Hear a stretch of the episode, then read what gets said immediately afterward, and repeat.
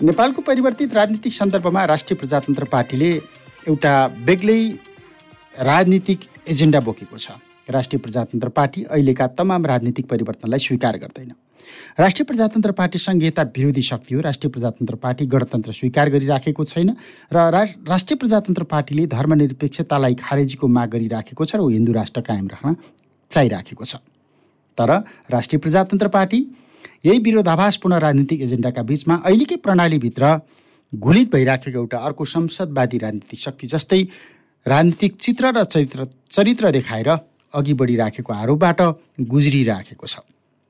अहिले पछिल्लो समयमा कोशी प्रदेशको राजनीतिक सङ्क्रमणको सन्दर्भ त्यस्तै केन्द्रीय राजनीतिमा संसदीय समितिहरूमा लेनदेनका सन्दर्भ अनि नयाँ सत्ता समीकरण हुनासाथ राष्ट्रिय प्रजातन्त्र पार्टीले गर्ने राजनीतिक पार्टीहरूसँगको सौदाबाजीले यी कुराहरूलाई सङ्केत पनि गर्छ इङ्गित पनि गर्छ। आखिर राष्ट्रिय प्रजातन्त्र पार्टी यति बेला कुन कोर्सबाट अगाडि बढ्न खोजिराखेको छ? राष्ट्रिय प्रजातन्त्र पार्टीका महामन्त्री प्रहलाद शाह आज हामीसँग संवादमा रहनुहुनेछ। प्रहलाद शाहज्यू हजुर यहाँलाई स्वागत छ। हजुर खास चाहिँ भूगोलको हिसाबमा पनि पार्टीगत जिम्मेवारी त रह्यो नै। कोशी प्रदेशबाट नै तपाईँ प्रतिनिधित्व गर्ने भएको हिसाबबाट मैले तपाईँसँग संवादमा जोडिराखेको छु। कोशी प्रदेशमा अब यता संसदीय समितिको एउटा सभापति पाइहालियो सरकारलाई समर्थन गरेर अगाडि बढ्ने भन्ने राप्रपाको एउटा धारको रणनीति भनेर आइराखेको छ। अब कोशीमा सङ्घीयता स्वीकार गरेर पाए मुख्यमन्त्री नपाए सभामुख नभए पनि केही मन्त्री पाएर तपाईँहरू अहिलेकै समीकरणलाई भर्ती गर्न खोजिराखे हो। यो बुझाइमा गल्ती छ होइन? पहिलो कुरा त राष्ट्रिय प्रजातन्त्र पार्टी संहिता विरोधी हो। संहिता विरोधी भएको कारणले गर्दाखेरि यसको छुट्टै विचारहरू हुन्छन् र निर्णयहरू पनि त्यस्तै किसिमको आउँछन् यसको। र अहिले चलाइएको जुन हल्ला छ नि हजुर। त्यस्तो राष्ट्रिय प्रजातन्त्रको पार्टीसँग त्यस्तो कुनै किसिमको समझदारी सम्झौता अथवा कुनै किसिमका छलफल भएकै छैन। यति मात्र के हो भने एउटा संसदीय समितिहरू बन्ने क्रममा बन्ने प्रक्रिया नबन्ने गर्छ र सबै पार्टीका मान्छेहरू त्यसका सभापति हुने गरेका छन्। त्यो यसको संरचना त्यस किसिमको हुने गरेका छ। थोर बहुत सबै पार्टीका हुने गरेका छ। प्रमुख प्रतिपक्षीको रूपमा रहेको एमाले पनि तिनवटा संसदीय दलको सभापति पाएकै हो। होइन? राप्रपालाई कुनै माया गरेर दया गरेर अथवा कुनै समझदारी अन्तर्गत लिएको यो पद होइन। त्यसलाई आधार बनाएर एउटा मान्छेले एउटा माओवादीको सापकोटाजीले सभा मैले राप्रपालाई त्यागेँ भन्ने कुरा मैले उहाँले कोसीमा समर्थन गर्नुहुने भयो। त्यो पार्टीले समर्थन गरेको कारणले गर्दा भन्ने कुराहरू बिल्कुल गलत हो। उहाँको भित्री उनको उहाँको आफ्नो कुरा होला। तर पार्टीगत रूपमा उहाँले देखाउनु भयो होला के अरे मैले त्याग गरेको भनेर त्यो कुरा केही पनि होइन। होइन? राष्ट्रिय प्रजातन्त्र पार्टी एकदम त्यही बेला पनि हाम्रो दिपक बहादुर सिंहले सभापति भइरहँदा पनि उहाँले पनि खण्डन गर्नुभयो कुनै किसिमको समझदारी भएको छैन। सघाउने त्यो त गर्ने कुना पहिलो कुरो त हामी राष्ट्रिय प्रजातन्त्र पार्टी कुनै पार्टीको सिन्डिकेटभित्र छैनौँ। यो पहिला बुझ्नु जरुरी छ। राष्ट्रिय प्रजातन्त्र पार्टी सिन्डिकेटमा पर्दै पर्दैन। जस्तो तपाईँ हामी देखिरहेछौँ मुलुकमा सिन्डिकेट प्रणालीबाट देश चलेको छ। हामी देखिरहेछौँ दलको नाम भिन्न भिन्नै भए तापनि काङ्ग्रेस छुट्टै भए पनि एमाले छुट्टे माओवादी मधेसवादी सट्टा छुट्टै राजनीतिक दलको रूपमा ब्यानर चाहिँ देखिन्छन्। तर तिनका नेताहरू देशको मूल समस्याको विषयमा मौन बस्ने अनि शुभ लाभ गर्ने कुराहरूमा भ्रष्टाचार गर्नेहरू कुरामा काण्ड महाकाण्डहरू गर्ने कुराहरूमा ठुलो ठुलो खरबपति अरबको कुरा गर्नेमा यिनीहरू सबै मिल्ला रहेछन् भन्ने कुरा त तपाईँ हामीले देखिसकेका छ। यही आरोप लाग्यो नि त तपाईँहरूलाई पनि त लागेकै छ नि त। तपाईँहरूलाई अब भाइ एमाले भन्न थाले अहिले। त्यो त बिल्कुल गलत भने हामी एमाले भन्दा पहिले निर्णय गर्ने रहेछौँ भन्ने कुरा धेरै इस्युहरूमा हामी देखाइसकेका छौँ होइन? हामीले यो सङ्घमा को सरकारमा हामी बस्दाखेरि र बसिसकेपछि छोड्दाखेरि एमाले भन्दा धेरै पहिला हामीले निर्णय गऱ्यौँ सरकार छोड्न होइन? त्यस्तो धेरै कैयौँ उदाहरणहरू छन्। राष्ट्रिय प्रजातन्त्र पार्टी एमालेको भाइ पार्टी होइन। एमालेको एउटा कुनै मुद्दामा एमालेसँग मिल्न गएको हो कुनै इस्युमा। सरकार एउटा सही किसिमले एउटा स्थायित्वको निमित्त हामीले राष्ट्रिय प्रजातन्त्र पार्टी ले एउटा स्थायित्व दिनको निमित्त राष्ट्रिय प्रजातन्त्र पार्टी गएको त्यति मात्रै हो। तर त्यसलाई बङ्ग्याइएर त्यसलाई गलत व्याख्या गरेर राष्ट्रिय प्रजातन्त्र पार्टी भाइ पार्टी हुनै सक्दैन राष्ट्रिय प्रजातन्त्र पार्टीको छुट्टै अस्तित्व छुट्टै विचार छ। अहिले यो तपाईँहरूको यो बिचमा जस्तो कोशी प्रदेशको सन्दर्भ आउँदै गर्दा अथवा संसदीय समितिमा दिपक सिंह चुनिँदै गर्दा छानिँदै गर्दा त्यो सहमति बन्दै गर्दा तपाईँको पार्टीका अध्यक्ष चाहिँ काठमाडौँ नेपाल बाहिर हुनुहुन्थ्यो। त्यसकारण अर्को एउटा समूह संस्थापन इत्तरको समूह राप्रपाभित्र जन्मियो। त्यो समूहले चाहिँ कोसीमा हामी समर्थन गरिदिन्छौँ यता यो खालको लेनदेन गरौँ भनेर सम समझदारी गरिदिएको हो। राजेन्द्र लिङदेनलाई नै अप्ठ्यारो पारे त्यो समूहले भन्ने पनि छ नि। तपाईँहरूको पार्टीमा संस्थापन र संस्थापन इत्तरको दुईवटा समूह जन्मियो फेरि अब। कस्तो भने नि? यो यो बनावटी कुराहरू यति चलखेल हुँदो रहेछ राष्ट्रिय प्रजातन्त्र पार्टीलाई फुटाउन सकिन्छ राष्ट्रिय प्रजातन्त्र पार्टीलाई फेरि विभाजन गर्न सकिन्छ। पहिला पहिलाको हाम्रो राष्ट्रिय प्रजातन्त्र पार्टीको उदाहरण दिँदै अब फेरि फुट्ने हो कि अब फेरि फुट्ने हो भन्ने कुराको शङ्काको अवसर दिने काम अब बन्द गरेको हुन्छ सबैले। सबैले कुनैले पनि अब राष्ट्रिय प्रजातन्त्र पार्टी एउटा यस्तो पार्टीको रूपमा अगाडि बढेको छ अब इतिहास बनाउने पार्टीको रूपमा आउनेवाला छ। अब राजेन्द्र लिङ्गेन बाहिर भए पनि नेपालमा भए पनि को अध्यक्ष के सब हाम्रो सामूहिक निर्णयबाट चल्दैछ। अब हेर्नुहोस् पहिलाको जस्तो एकल नेतृत्व निर्णय र एकल नेतृत्व छैन अब राष्ट्रिय प्रजातन्त्र पार्टीमा। होइन?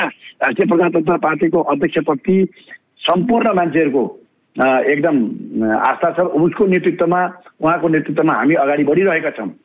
र उहाँ जहाँ भए पनि नेतृत्वको विरुद्धमा अथवा अर्को ग्रुप बन्दैछ एउटा अर्को समूह बन्दैछ भन्ने कुरा अब कल्पना नगरे हुन्छ कसैले पनि। त पार्टी कदापि फुट्नेवाला छैन। यो महाधिवेशनले एउटा यस्तो समय दिएको छ। हो पहिला पहिला हुन्थ्यो। जुट पार्टी जन्मिँदैखेरि सुरुवात थापा लोकेन्द्र छन् दुई फ्याँकबाट जुटे फेरि जुट फुटेका हुन् फेरि जुटेका हुन् फेरि फुटेका हुन् फेरि जुटेका हुन्। तर अब त्यो किसिमका अब संरचना अब राष्ट्रिय प्रजातन्त्र पार्टीमा रहेन। अब कसैले राष्ट्रिय प्रजातन्त्र पार्टीको फुट्ने कल्पना गर्नु भनेको दुराशायुक्त कल्पना मात्रै हो। भन्दा नि तपाईँहरूकै पार्टीका अब वरिष्ठ नेता प्रकाश चन्द्र लोहनीहरूले लोकेन्द्र बहादुर चन्दलाई अगाडि सारेर यो खालको चलखेल गरे भनेर त आइराखेकै छ। समाचारहरूमा कति प्रतिशत सत्यता छ छैन तपाईँहरूकै सन्दर्भ रह्यो। बिल्कुल गलत। म त म त आश्चर्यचकित छु त्यो बैठकमा म पनि छु होइन? त्यो बैठकमा मेरो उपस्थिति छ तपाईँहरूलाई म भनिदिउँ। निर्णय भएको कुरा कुनै पत्रिकाले मिडियाले लेखेन। निर्णय चाहिँ के भएको भने राष्ट्रिय प्रजातन्त्र अन्तिम छलफल त राजनीतिक कर्मीहरू जहाँ बस्छन् त्यो त राजनीतिक कुरा नै छलफल हुन्छ। तपाईँ हामी सबैलाई थाहा छ। व्यापारीहरू बसेका ठाउँमा व्यापारी कुरा हुन्छ होइन? कर्मचारी बसेको बेलामा कर्मचारीको कुरा आउँछ त्यस्तै हामी राजनीतिक व्यक्ति एउटा राप्रपासँग सम्बद्ध व्यक्तिहरू जहाँ जमघट हुन्छ चियापानमा बस्छौँ त राजनीतिक कुरा हुन्छ। र अन्तिममा हाम्रो छलफलको निष्कर्ष के थियो भने राष्ट्रिय प्रजातन्त्र पार्टी निरन्तर रूपमा एकताबद्ध भएर बढिरहेको र अब पनि एक ढिक्का भएर अगाडि बढ्ने भनेर एक लाइनको निर्णय अब तपाईँले मिडिया मार्फत भन्दैछु एक लाइनको निर्णय यो भएको तर त्यसलाई अतिरञ्जित पारेर होइन हाम्रो पार्टीका विरोधी मान्छे अथवा हाम्रो पार्टीलाई विभाजन गर्न सक्ने चाहने मान्छे अथवा पार्टीभित्रैकै पनि कोही मान्छे जसले अहिलेको समयमा समयमा अब पहिलाको जस्तो पहिलाको जस्तो पहिला के थियो भने नेताको वरिपरि बस्ने मान्छेले नेता भइहाल्नु पर्ने होइन नेता भइहाल्थे।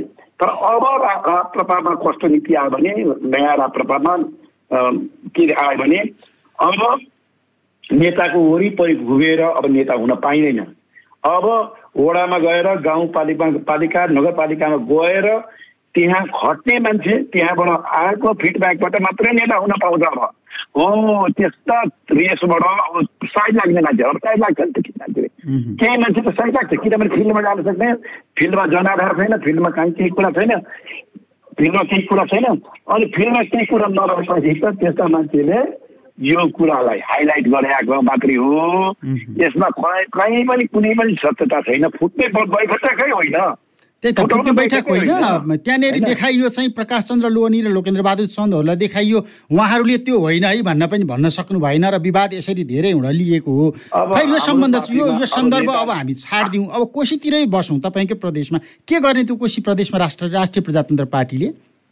राष्ट्रिय प्रजातन्त्र पार्टी त हाम्रो त्यस्तो कुरोको केही उठानै भएको छैन। राष्ट्रिय प्रजातन्त्र पार्टीले किन उठान भएको छैन? मुद्दा अदालतमा छ विचाराधीन। अब एउटा लाइन पाएको छैन होइन? काम चलाउ सरकार भयो। अब कुनै लाइन पाएको छैन कुनै स्थिति त्यहाँ क्लियर भएको छैन। र पहिलो कुरा तपाईँहरूलाई के भन्दैन? हाम्रो सत्ता केन्द्रित राजनीति छैन। हामीले सत्तामा जाने कुनै बार्गेनिङ छैन। कुनै किसिमको हामी सत्तामा जान जाने लालसा पनि छैन। यदि स्थिति त्यस्तो स्थिरताको स्थायित्वको निमित्त मैले पहिला पनि भनेको थिएँ स्थायित्व र स्थिरताको निमित्त भोलि आउने फेरि मध्यावधि चुनावलाई कहीँ परसम्म चार्न सकिन्छ कि भनेर जानको निमित्त केही परिस्थिति निर्माण भयो भने अलग कुरा हो। अन्यथा हाम्रो सत्ताको बार्गेनिङ छैन। हाम्रो सत्ताको उसमा कुनै पनि किसिमको लालसा छैन। संहिताको प्रश्नसँग जोडिएको कुरा भयो अस्थिरता र स्थिरता त भनिदिने भएन नि। अहिले मध्यावधिमा गयो अथवा कोशी प्रदेश त्यो ढङ्गबाट असफल भयो भने त तपाईँहरूको एजेन्डा सफल हुने कुरा होला। अनि किन फेरि एजेन्डा सफल हुँदै गर्दाखेरि हामी स्थिरताको पक्षमा चाहिँ उभियौँ भनेर अर्को टालटुले समीकरणतिर जाने त त्यसो हो भने? एउटा कुरो हेर्नुहोस्। राष्ट्रपालले मात्रै चाहेर संहिता अन्त्य समाप्ति हुँदैन। पहिलो कुरा बुझ्ने कुरा नि हामीले चाहँदाखेरि राष्ट्रिय संहिता समाप्त हुने भन्ने कुरा छैन। संहिता चलिरहने कुरा हो। र संहिता चलिरहने कुरा हुँदाखेरि यदि मध्यावधि चुनावमा गयो भने यो आर्थिक भार नेपाली जनतालाई पर्ने हो। घुमाएर नेपाली जनताकै पकेटबाट जाने हो। यो चुनाव हुँदाखेरि अर्बौँ रुपियाँको जो खर्च हुन्छ त्यो चुनावमा जनताकै जाने हो। त्यस कारण त्यसलाई टार्न खोजेको मात्रै हो। दुर्घटना नहोस् भनेर। तर यही भनिराख्दाखेरि के छ भने हामी संहिताको विरोधी हौँ। यो संहिता खारिजै भने कि हुनुपर्छ? अहिले पनि भन्दैछु यही यसैलाई पनि हामी उदाहरण दिन्छौँ कि यो मुलुकमा जुन संहिताको कामै छैन जुन संहिताको काम छैन त्यो संहिता घाँडो भएको छ। यो मात्रै प्रदेशको उदाहरण कोशी प्रदेशको मात्रै कुरा होइन। अहिले सबै प्रदेशमा हेर्नुहोस् कुनै न कुनै रूपमा विवाद कुनै न कुनै रूपमा व्यतिथि कुनै न कुनै रूपमा आर्थिक भारहरूको सिर्जना भइरहेको छ। कोशी प्रदेश मात्रै होइन। त्यसकारण यो घाडो यो सेतो हात्ती फाल्नु पर्छ।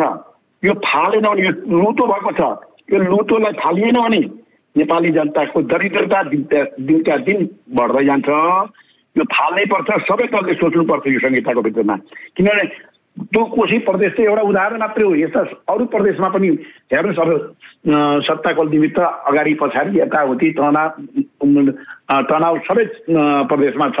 तपाईँले कहीँ न कहीँ सुनिरहेको छ कोशी प्रदेश त यस्तो परिस्थिति निर्माण भयो यदि यदि त्यहाँ बहुमत कुनै पार्टीको पनि परिरहेको छैन. र बराबरको सिटमा स्थिति राष्ट्रिय प्रजातन्त्र पार्टी एमालेलाई साथ दिन पुग्यो भने छ्यालिस र यताको गठबन्धनको छ्यालिस। त्योभन्दा बढ्न सक्ने स्थिति कसैलाई छैन। कसैको पनि छैन बढ्न सक्ने। यदि राष्ट्रपालले दियो भने। तर अब बिचमा हुँदा पनि राष्ट्रिय प्रजातन्त्र पार्टीको कामले गर्दा त बहुमत प्राप्त त कसैले गर्न सकेन। अब भक्ति भक्ति सिटौला उस्तै परे मुख्यमन्त्री हुन्छन् अथवा सभामुखै हुन्छन् भन्ने कुरा आइरहेछ नि त फेरि के हो त? अनि त्यो सब कुराहरू केही भएकै छैन। यो कुराहरू केही आएकै छैन।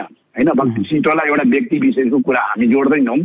हामी परिस्थिति निर्माण कुन रूपमा हुन्छ हामी हामीलाई त भइ नै। हामीलाई सभामुखको पनि के अरे लालसा छैन।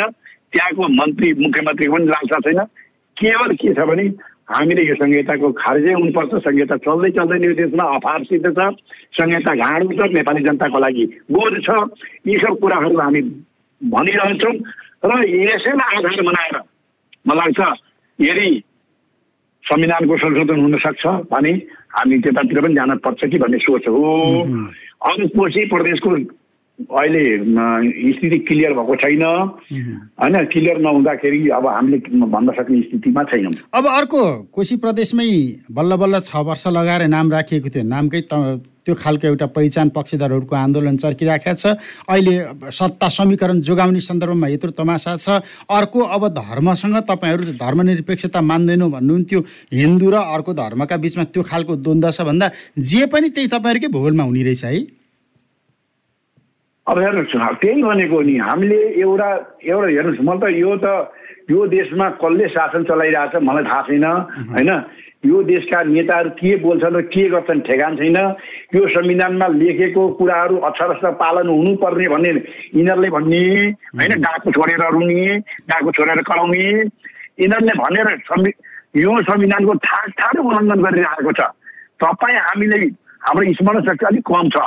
हामीले संविधान बने बनेको संविधानको बन् बन्दाखेरि संविधानमा के भनेको थियो भने यो संविधानको लागू भएको छ महिनाभित्र सङ्घीयता सङ्घको प्रदेशको नामाकरण गरिसक्नु पर्ने भनेर लेखेको थियो छ महिनाभित्र। तपाईँहरूको प्रदेशलाई छ महिनालाई छ वर्ष भइदियो। अब कुनै पनि प्रदेशको नामाकरण छ महिनाभित्र हुन सकेन भने संहिता कार्य हुनुपर्ने कि नपर्ने? मेरो प्रश्न पहिलो प्रश्न। यी संविधान बनाउने नालाकारको नालाकारलाई भन्छु। प्रचण्ड जिल्ला भन्छु। माधव नेपाललाई भन्छु। झलराज खनाललाई भन्छु। शेरबहादुर देवलाई भन्छु। केपी ओलीलाई भन्छु। तपाईँहरूले लादेको संविधान मैले लादेको संविधान भन्छु। जनताले चाहेको संविधान जनताले चाहेको संविधान अर्कै थियो। जनताले चाहेको संविधान हिन्दू राष्ट्र हुनुपर्छ भन्ने थियो। जनताले चाहेको संविधान राजा सहितको प्रजातन्त्र हुनुपर्छ भन्ने थियो। संहिताको विरोधी थियो। यी जनमतको अवहेलना गर्दै लादिएको संविधान यिनीहरूले लादेको संविधान यिनीहरूले उल्लङ्घन गर्छ भने यो दोष कसरी चल्छ? तपाईँहरूलाई अहिले तपाईँलाई एकदम सही कुरा उठाउनु भयो एउटा कोशी प्रदेशमा पहिचानको राजनीति चल्यो। हेर्नुहोस् एकातिर यिनीहरूले पहिचानको कुरा गर्छन् पहिच एउटा कोशीको नामाकरणको कुरा गर्छन् अनि यतातिर अर्कोतिर उस्काउने यिनीहरूले पहिचानवादीहरूकोलाई उ गराउनु उस्काएर भोटको लागि केवल भोटको राजनीतिको लागि भोट आफूतिर आकर्षित गर्नको लागि पहिचानको मुद्दा अगाडि चलाउँछ अर्को कुरा घातक कुरा। अहिले देश बहुत एकदम विक्रान्त स्थितिमा गुज्रिरहेको छ। हेर्नुहोस् अहिले अर्को कुरा के आएको छ भने अर्को कुरा के आएको छ भने सबभन्दा डरलाग्दो मङ्गोलको कुरा हेर्नुहोस्। मङ्गोल जुन किसिमले जातीय हिसाबले अगाडि बढिरहेको छ जुन नेपालको पहिचानै होइन। मङ्गोल भने चिजे नेपालको होइन। होइन? हेलो? हजुर हजुर हजुर। मङ्गोल भने पहिचानै नेपालको होइन मङ्गोल भन्ने वस्तु नै नेपालको होइन मङ्गोलियाबाट ल्याएर कसको मार्फत कसको स्वार्थ कसको हितको निमित्त मङ्गोलियाबाट ल्याएर मङ्गोलिया जस्तो देखिने मङ्गोलियन जस्तो देखिने फेसको आधारमा अनुहारको आधारमा आफूलाई मङ्गोलियन भन्नेहरू वास्तवमा भने नेपाली हुनै सक्दैन। अब आदिवासी जनजाति भन्ने एउटा शब्दले त्यो वर्गभित्र त सबै हटाउनु पर्यो नि होइन र? हो जन आदिवासी हामी मान्न तयार छौँ। मूलवासी नेपालको मूलवासी हो। हामी मान्न तयार छौँ। आदिवासी मान्नु तयार छौँ मूलवासी मान्न तयार छौँ जनजातिमा तर यो मङ्गोलियन भन्ने शब्द एउटा सिक्किममा रहेको गोपाल किराँतीले चेला चपातीहरूले कताबाट छिराएर कसको इसाईको पै यसमा त मैले एकदम क्लियर देखिरहेको छु। इसाईको पैसाले खेल गरिरहेको छ आइ एनजिओ बनाएर यिनीहरूले जुन पार्टीकोलाई राजनीतिक रूप दिन खोजिरहेको छ त्यो गलत कुरा हो।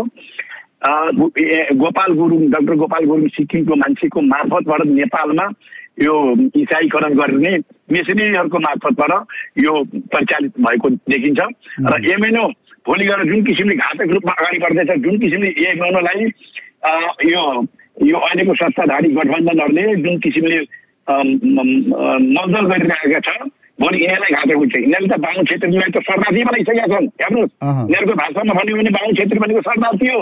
हामी मात्रै हो यो देशको मूलवासी मङ्गोलियनहरू मात्रै हो यो देशको सब अब सामाजिक सद्भाव सामाजिक सद्भावको बाटो खोज्ने हो नि त तपाईँ हामीले त मध्यमार्गी बाटो खोज्ने हो। सामाजिक सद्भावमा खलबल पुगिराखेको छ भन्दाखेरि यति बेला अब तपाईँहरू जस्तो परिपक्व राजनीतिज्ञ अथवा राजनीतिक पार्टी अथवा जो तपाईँहरू हिन्दुत्वको कुरा गरिराख्नु भएको छ हिन्दू धर्मले जसरी विगतमा स्वीकार गरेको थियो सबै सम्प्रदायलाई सम् सम्मानबोध हुने गरी त्यहाँनिर त्यो भूगोलमा अब मध्यमार्गी बाटो त खोज्नु पर्ला नि त। के गर्ने त त्यहाँ? हामी त्यही भएर त भन्दैछौँ सर सम्भाव सर्व धर्म सम्पन्न स्वतन्त्र हिन्दू राष्ट्र भनेर भनेका छन्। सबै धर्मको इज्जत सम्मान हुनुपर्छ। तर धर्मान्तरको पो विरोधी हौँ त हामी। हिन्दू धर्म हिन्दू राष्ट्र भन्नु भनेको मतलब बिरानब्बे प्रतिशत ओमकार परिवार रहेको देश हिन्दू राष्ट्र हुन नहुने। तिस पैँतिस पर्सेन्ट भएको जनसङ्ख्या भएको अन्य मुलुकहरू मुलुकहरू मुस्लिम देश इजरायली देश बुद्धिस्ट देश भएकै छन् होइन? तर नेपाल जुन ओमकार परिवार बिरानब्बे प्रतिशत छ यो बिरानब्बे प्रतिशत देश ओमकार रहेको देशमा हिन्दू राष्ट्र किन नहुने? किन नहुने भने यी केही नेताहरू हाम्रा केही नेताहरू होली वाइन खाएका खाएका नेताहरूको मती भ्रष्ट भएर यो देशलाई त्यस किसिमको गरियो। त्यो त गरियो गरियो। तर जुन किसिमले धर्मान्तरण बढिरहेको छ लोभ लालच विभिन्न भानामा विभिन्न भानामा सैकौँ देशभरि चर्चहरू खोलिँदैछ। चर्च बन्न लागि त पैसा लाग्छ कि लाग्दैन तपाईँ हामी कल्पना गरौँ। एउटा चर्च बन्नलाई कति रुपियाँ लाग्छ? त्यो लाखौँ होइन करोडौँ अर्बौँ रुपियाँको लागतमा बन्ने गरेको यो चर्चलाई कहाँबाट कहाँबाट आइरहेको छ पैसा? भन्न बुझ्नु पर्दैन सोह्र सय नेपाली जनताहरूलाई। सोह्र जनता सोह्र जन जनतालाई सधैँभरि बेकु बनाइराख्ने। हो। त्यो बेकु बनाउने कामहरू बन्द होस्। केही नेताहरू दोहोरो चरित्रका हुनुहुन्छ। यतातिर मङ्गोललाई पनि उचाल्ने यतातिर जनजातिलाई उचाल्ने अर्कोतिर जातीय राज्य दिने अर्कोतिर के के उचाल्ने अनि हिन्दू राष्ट्र समाप्त पार्ने युरोपियन युनियनको दबावमा यस किसिमको गतिविधि बन्द होस्। नेपाली जनता क्लियर रूपमा यो देशमा चाहे अनुरूपको अहिले पनि नेपाली जनता भन्नुहोस् न नेपाली जनता त अस्सी प्रतिशतभन्दा बढी नेपाली जनता त जनमत नै हेर्ने हो भने अस्सी प्रतिशतभन्दा बढी नेपाली जनता त हिन्दू राष्ट्रको पक्षमा छ नि। छन् तर खोइ त तपाईँहरू आफै हिन्दू राष्ट्रको एजेन्डा बोक्नेहरू त छिन्न भिन्न हुनुहुन्छ भने त्यो सबै जनमत तपाईँहरूतिर आउने अथवा त्यो जनमत एकैचोटि सङ्गठित हुने सम्भावनै रहेन नि। होइन होइन यस्तो छ यस्तो छ। यहाँ अब हाम्रो नेपालमा एउटा कुरा के छ भने हामी नेपालीहरू बिचमा कसैले कसैलाई नेता नमान्ने स्वभावका छौँ क्या हामी। हामी आफैमा नेता हामी परिवार छौँ भने परिवारमै नेता। होइन? पार्टी छ भने पार्टीमा नेता। यही कुरा चाहिँ बिग्रिँदैछ। हामी नेपालीहरू बिग्रेका छौँ। हामी पछि परेको यो विश्वको अन्य मुलुकहरू कहाँ चाहिँ कहाँ पुगिसक्यो तर हामी नेपालीहरू धेरै पछाडि परेको कारण के भने हामी सबै कसैलाई कसैले नमान्ने क्या। त्यस कारण हामीले बिग्रेका हौँ। हामी नेपाली बिग्रेका हौँ। अरू देशहरू सम्पन्न भइरहँदाखेरि हामी धेरै पछाडि पछौटेपनमा पछाडि पर्दै पर्दै गएर पछाडिबाट हामी एक नम्बर पुग्ने आँटिसक्यौँ यो परिस्थिति निर्माण हुनमा त्यस कारण हामी एउटा कुरा त दल सत्य कुरा के हो भने नेपालमा असी प्रतिशतभन्दा बढी हिन्दू राष्ट्र चाहने नब्बे प्रतिशतभन्दा बढी संहिता विरोधी मान्छेहरू छन् संहिता विरोधी र राजाको पक्षमा पनि कुनै न कुनै जन्म सत्तर प्रतिशत पैँसठी प्रतिशतदेखि सत्तर प्रतिशत भित्र अभिभावक कुनै न कुनै कुनै रूपमा हाम्रो अभिभावक हुनुपर्छ राष्ट्र चाहिन्छ एउटा राजा चाहिन्छ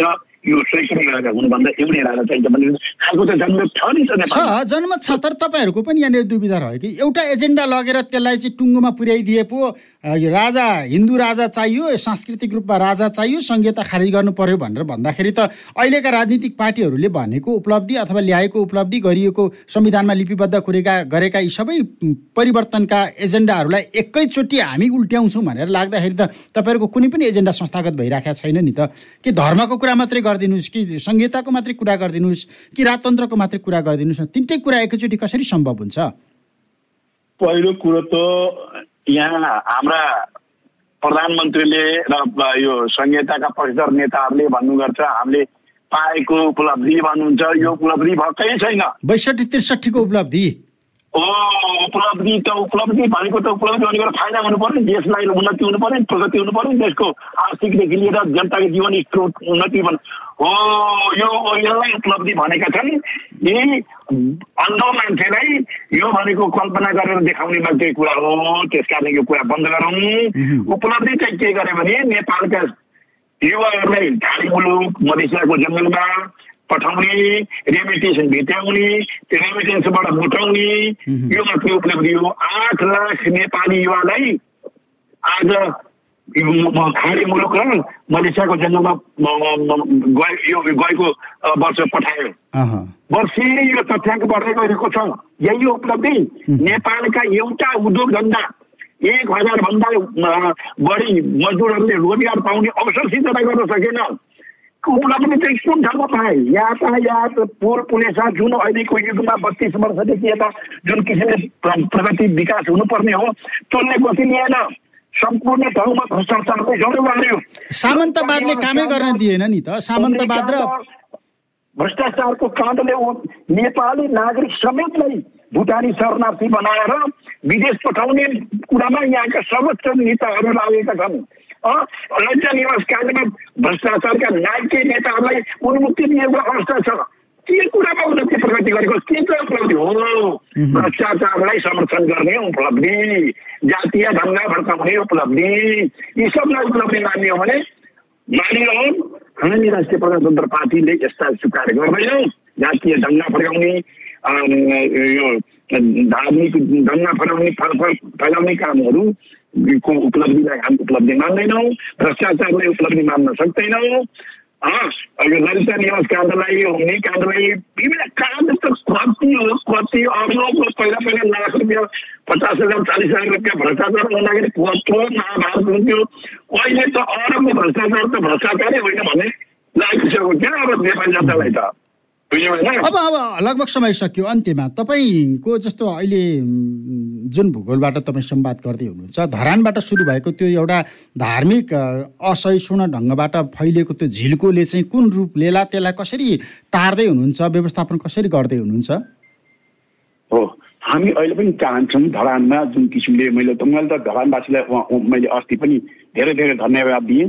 किनभने जुन किसिमले दङ्गा भड्काउने त्यहाँ परिस्थिति निर्माण गरियो कतैबाट होइन? बन्द कोठाबाट कालो कोठाबाट जुन किसिमले दङ्गा फर्काउने काम गरियो गराउने नियतका साथ जुन किसिमले काम गरियो तर धरानका वासीहरूले बहुत सहिष्णुताका साथ होइन? सबै जातिहरू बहु सद्भावका साथ त्यहाँ मिलेर बसेको देखेँ मैले। तिनीहरूमा कुनै आपसी द्वन्द्व छैन। कोही बाहुन कोही छेत्री कोही मगर कोही गुरुङ कोही तामाङ कोही राई कोही लिम्बू कुनैमा पनि विभेद छैन। सबै सामाजिक संरचना त्यसरी बनेको छ त्यसरी नै मिलेर बसेका छन् त्यहाँ। त्यहाँ तिनीहरू किसिमको कुनै हिंसा भड्काउने किसिमको कहीँ पनि कोही किसिमको किन म धरान पनि पसेँ त्यही दिन। त्यही दिन म धरान पछि बसेर आएको चकमन्न थियो धरानमा कहीँ कतै कुनै किसिमको दङ्गा भड्काउने किसिमको कुनै कुराको जब कि हल्ला के फराइए फैलाइएको थियो भने खुकुरी लिएर तिनीहरू काट्नेवाला छन् यी बाहुन क्षेत्रलाई भनेर भन्ने किसिमले फैलाइयो तर दिन चाहन्छु। कि उहाँहरूको संयमता उहाँहरूको धैर्यता उहाँहरूको सहिष्णुताका कारण त्यहाँ कुनै किसिमको अप्रिय घटना हुन सकेन।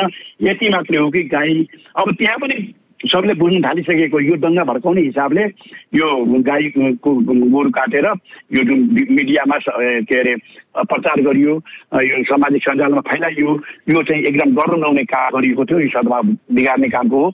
नेपाल देश देशलाई उन्नति होइन अवनतितिर लैजाने काम हुन्छ यसबाट भनेर अहिले बुझ्ने बौद्धिक जमातदेखि लिएर त्यहाँका सामाजिक प्रबुद्ध वर्गहरू सचेत छन् भनेपछि अप्रिय घटनाहरूको सम्भावना बिस्तारै टर्दै गएको छ।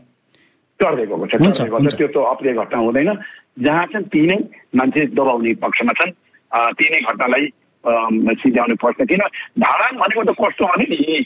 म त छक्क पर्छु। धरान भनेको त सम्पूर्ण जनजातिदेखि लिएर आदिवासी हिन्दू के बाहुन छेत्री सबैको पुण्य भूमि पो त त्यो पूर्वको सतहत्तरौँ जिल्ला भन्थ्यो पहिला अब अहिले त त्यतिकै सतहत्तर भइहाल्यो। पुण्य भूमि विजयपुर डाँडाको हेर्नुहोस् त बुढा सुब्बा त्यही जनजाति जाने त्यही हामी बाहुन छेत्री अथवा हिन्दू धर्म मान्ने जाने बुढा सुब्बा दन्तकाली त्यहीँ छन्। पिण्डेश्वर दन्तकाली भनेको त माता एउटा सतीको दाँत खसेको ठाउँ त्यो चुच्चो पवित्र ठाउँ। त्यस्तै गरी पिण्डेश्वर धाम भनेको त एउटा शिवजीको चुच्चो पवित्र ठाउँ। भनौँ न त्यो एकदम धार्मिकै धार्मिक पुण्यभूमि भएको ठाउँ हो त्यो। त्यो आस्थालाई खलबलाउने किसिमको दुस् जुन दुष्प्रयास गरियो नि। हो त्यो दुष्प्रयासबाट नेपाली जनता सचेत छन् त्यो दुष्प्रयासबाट त्यहाँका जनताले नागरिकले बुझे सचेत छन्। हुन्छ हुन्छ। समय र संवादका लागि धन्यवाद। हजुर।